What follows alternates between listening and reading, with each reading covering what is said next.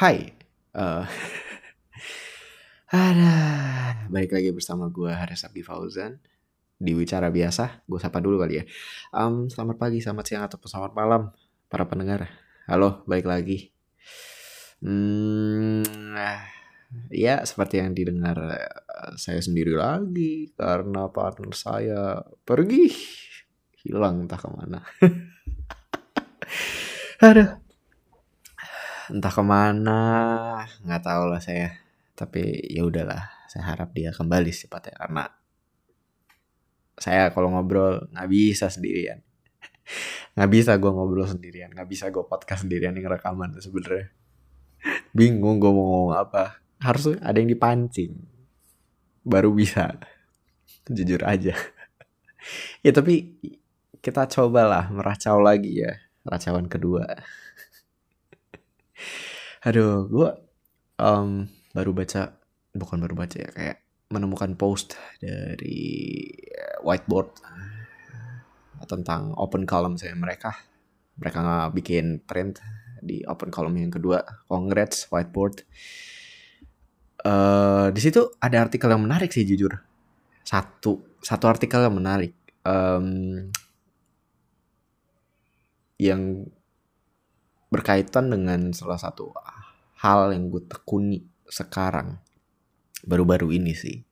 Nggak baru kelihatannya baru-baru ini tapi sebenarnya udah lama sih gue menekuni itu. Bukan menekuni ya baru uh, mendalaminya tuh sejak awal kuliah.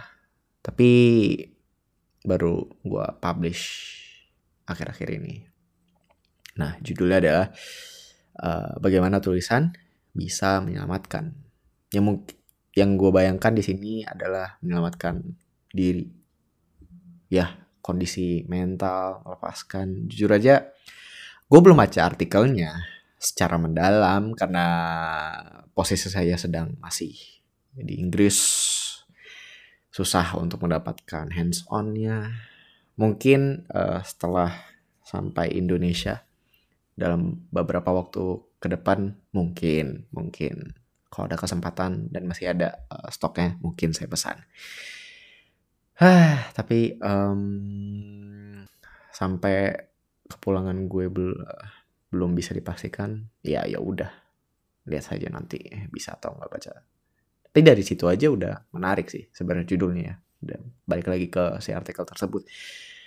Uh, menurut gue tulis menulis saya menulis itu adalah salah satu cara untuk sekarang mungkin diartikan sebagai ekspresi ya, tapi dulu itu bagian dari komunikasi sih, essential ya, yang lumayan uh, mengkoneksi orang-orang.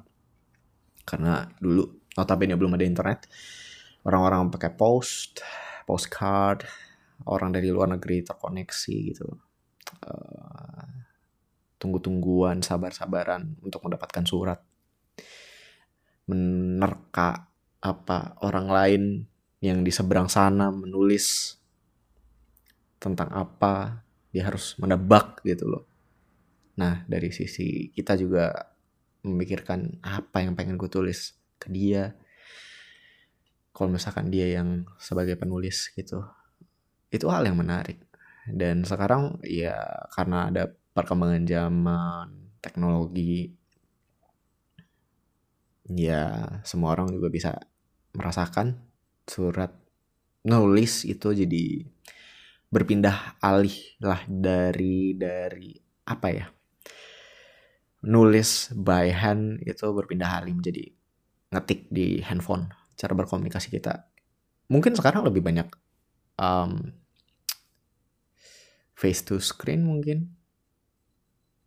Dia online gara-gara lebih mudah, lebih direct dilihat gitu. Bisa bisa kelihatan visualnya si orangnya. Ekspresi. Tapi bagaimanapun juga ini buat gue ya. Ini buat gue personal sih by hand kayaknya buat gue belum bisa terkalahkan sih untuk menulis ya, menulis. Um, salah satu escape gue mungkin di mana gue uh, gak bisa uh, menekuni bukan menekuni ya menemukan ekspresi bentuk ekspresi atau nggak bentuk saluran medium yang notabene gue bisa bebas. Jujur aja menulis tuh buat gue bebas banget sih. Sampai sekarang nggak ada tulisan yang gue publis kecuali di Twitter. Kecuali di Twitter. Itu doang. Mungkin gue di medium ada tapi nggak banyak. Ya iseng-iseng doang. Coba-coba eksperimen tapi uh, mostly mostly Twitter sih. Itu juga sebagian kecil sih karena mostly gue nggak publish tulisan gue mungkin untuk sekarang untuk sekarang masih terlalu personal. Buat konsumsi diri gue sendiri aja.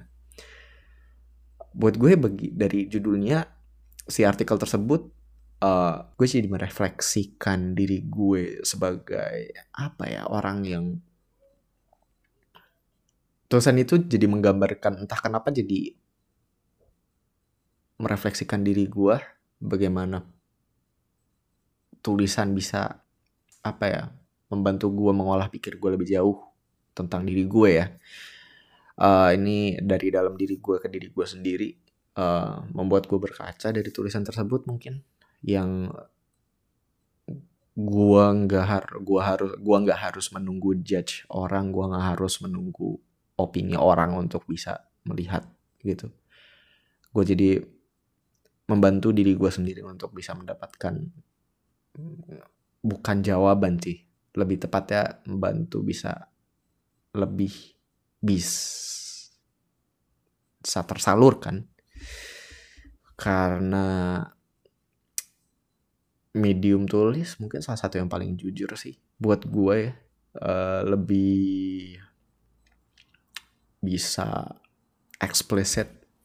Mungkin ke orang lain kalau ngobrol gitu ya harus milih-milih. Karena sepengalaman gue dengerin cerita orang dan berbagi cerita ke orang lain uh, berbicara enak seru. Ngobrol tuh seru.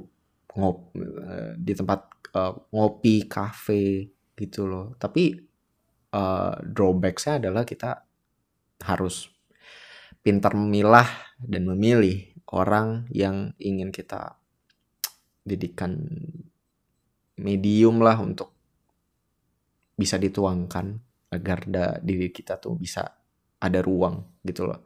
Dan sebaliknya orang tersebut bisa mau kita uh, disusahkan, kitanya mau disusahkan untuk mendengarkan cerita dia gitu loh.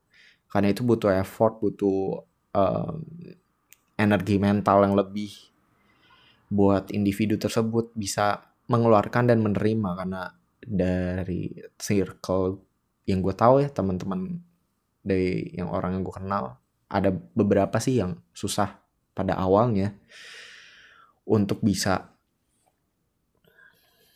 apa ya mendekat enggak membuka diri dia karena mungkin dia merasa vulnerable I think.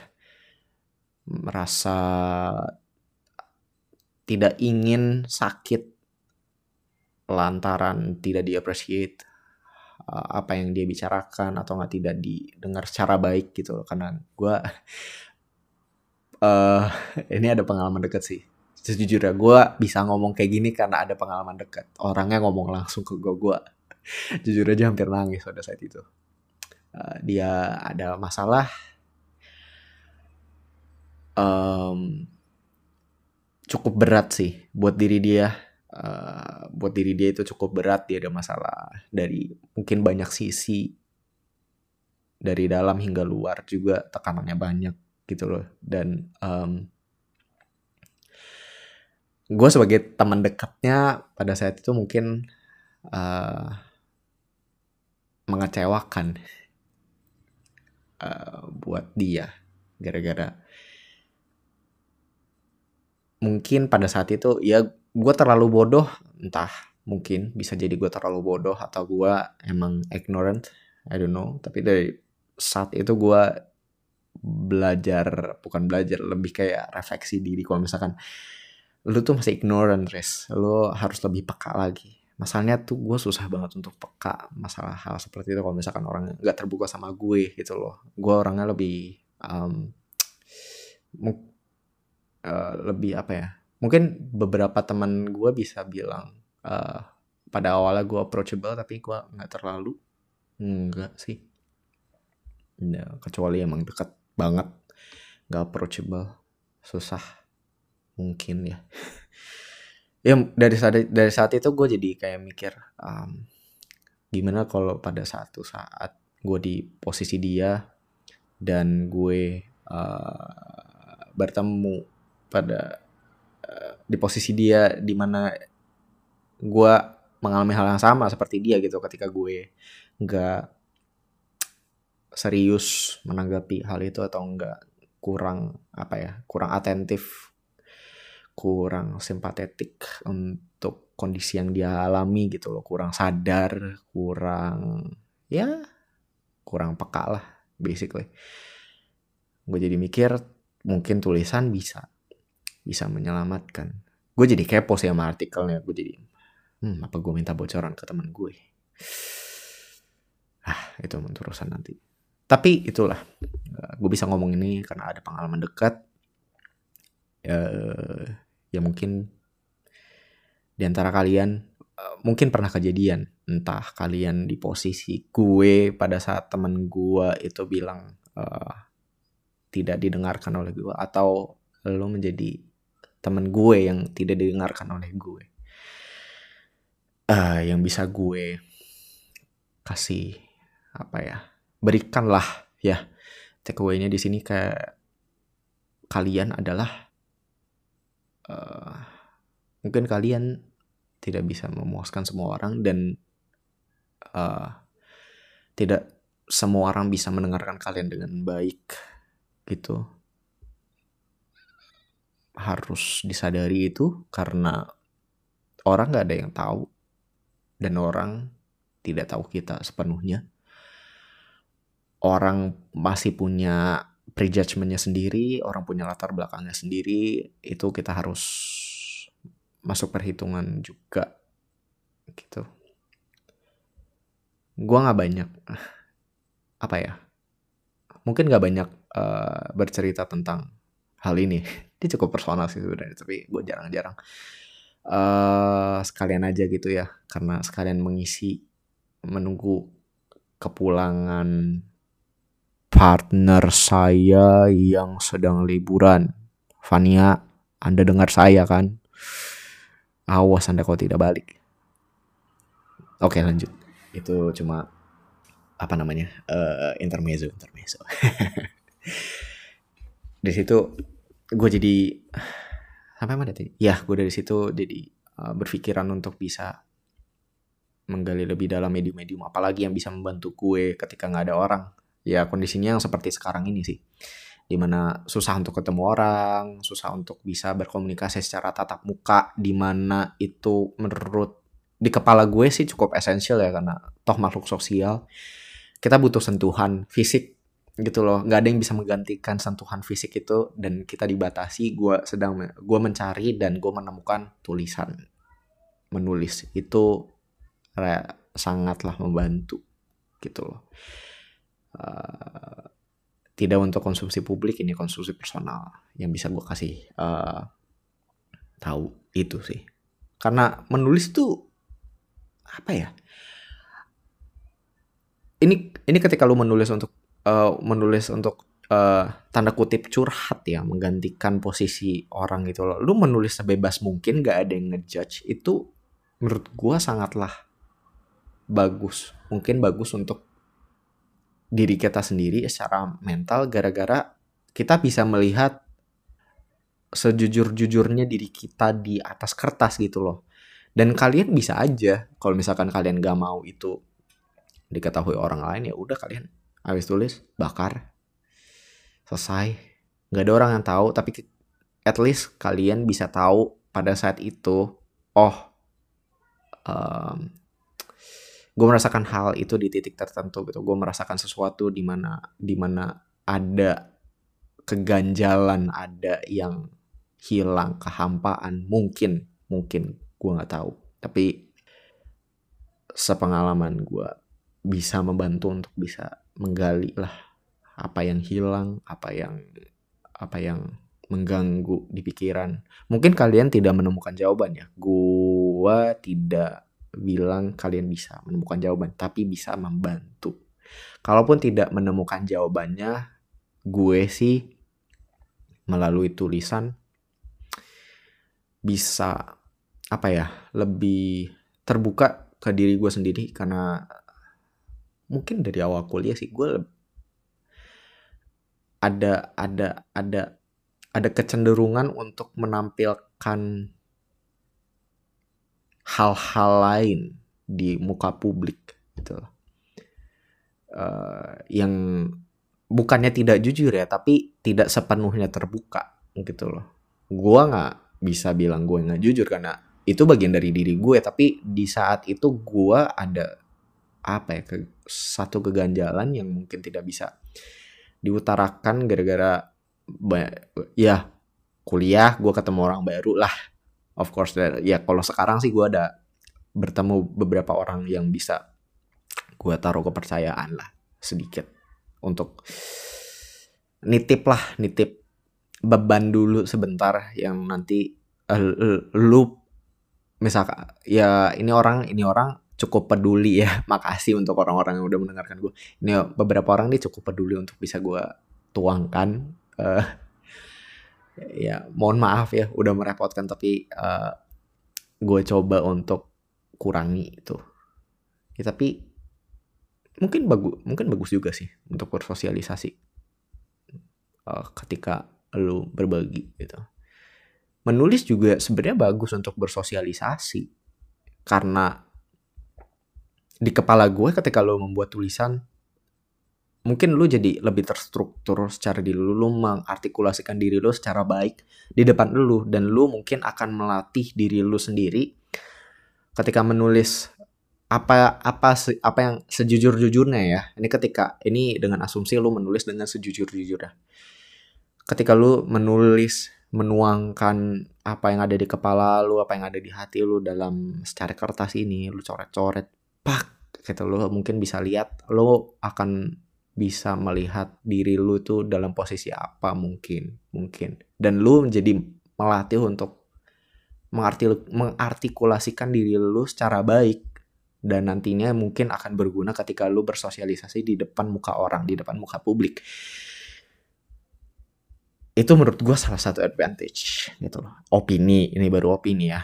Gue nggak tahu uh, secara saintifik berpengaruh seperti apa gitu loh. Yang jelas gue merasakan. Itu uh, kayaknya gue nggak bisa panjang-panjang sih ngomongin ini ya. Uh, susah untuk bisa panjang-panjang uh, tentang ini karena ini hal yang personal sih karena banyak orang punya caranya masing-masing banyak orang punya batasannya juga masing-masing. Kalau misalkan oh gue nggak bisa nulis karena A B C atau nggak gue lebih prefer uh, berkontemplasi tengah malam. Dengan cara oke okay, sembari membaca buku atau sembari uh, uh, melakukan pekerjaannya sendiri gitu. Mungkin bisa jadi medium juga atau enggak kayak gini. Bikin rekaman lu dengerin sendiri uh, suara lu sehingga bisa balik ke diri lu sendiri gitu loh suara lu sendiri isi hati lu sendiri ya mungkin itu sih salah satu cara tapi yang jelas yang bisa gue tarik lagi kembali adalah uh, mungkin bisa dicoba di masa seperti ini kan agak susah ya untuk bertemu dengan orang-orang terdekat. Bersyukurlah teknologi membantu kita untuk terkoneksi gitu loh. Tapi menurut gue ada satu hal yang perlu kita latih yaitu mengartikulasikan diri lu sendiri. Mengartikulasikan diri kita sendiri di depan diri kita sendiri gitu loh. At least lu bisa jujur ke diri lu sendiri lewat tulisan gitu loh. Ini dari standpoint gue yang mencoba, yang telah mencoba gitu loh. Membantu Semoga ini membantu lah.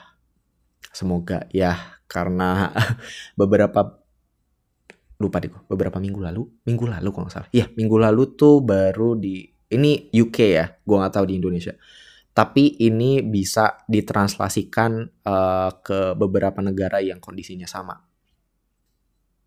Jadi, gue menemukan studi kalau misalkan ada apa namanya tanda kutip kekhawatiran akan uh, pandemi baru, mungkin gue lupa deh artikelnya. Pokoknya ada studi yang membeberkan, me, me, me, memperlihatkan data kalau misalkan ada ada masalah baru yang muncul setelah lockdown.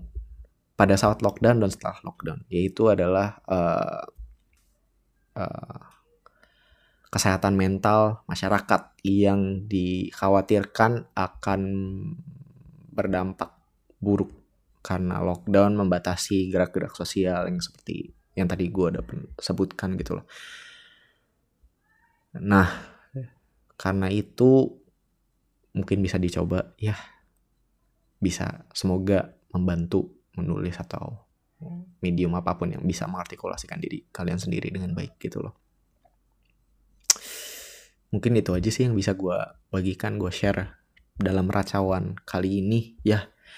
Uh, eh, gue nggak bisa ngomong banyak-banyak karena saya butuh dipancing kalau untuk ngobrol seperti ini tapi terima kasih sudah mendengarkan selama 21 menit ke belakang Terima kasih banyak bagi para pendengar. Ya, gue akhirnya sajalah uh, podcast kali ini ya. Gue sapa dulu. Selamat pagi, selamat siang, ataupun selamat malam bagi pendengar bicara biasa. Terima kasih sudah mendengarkan semuanya ini. Uh, kita tunggu lagi episode selanjutnya. kita lihat kok apakah saya sudah bersama partner saya kembali atau masih sendirian. Oke, terima kasih kawan-kawan. Makasih ya.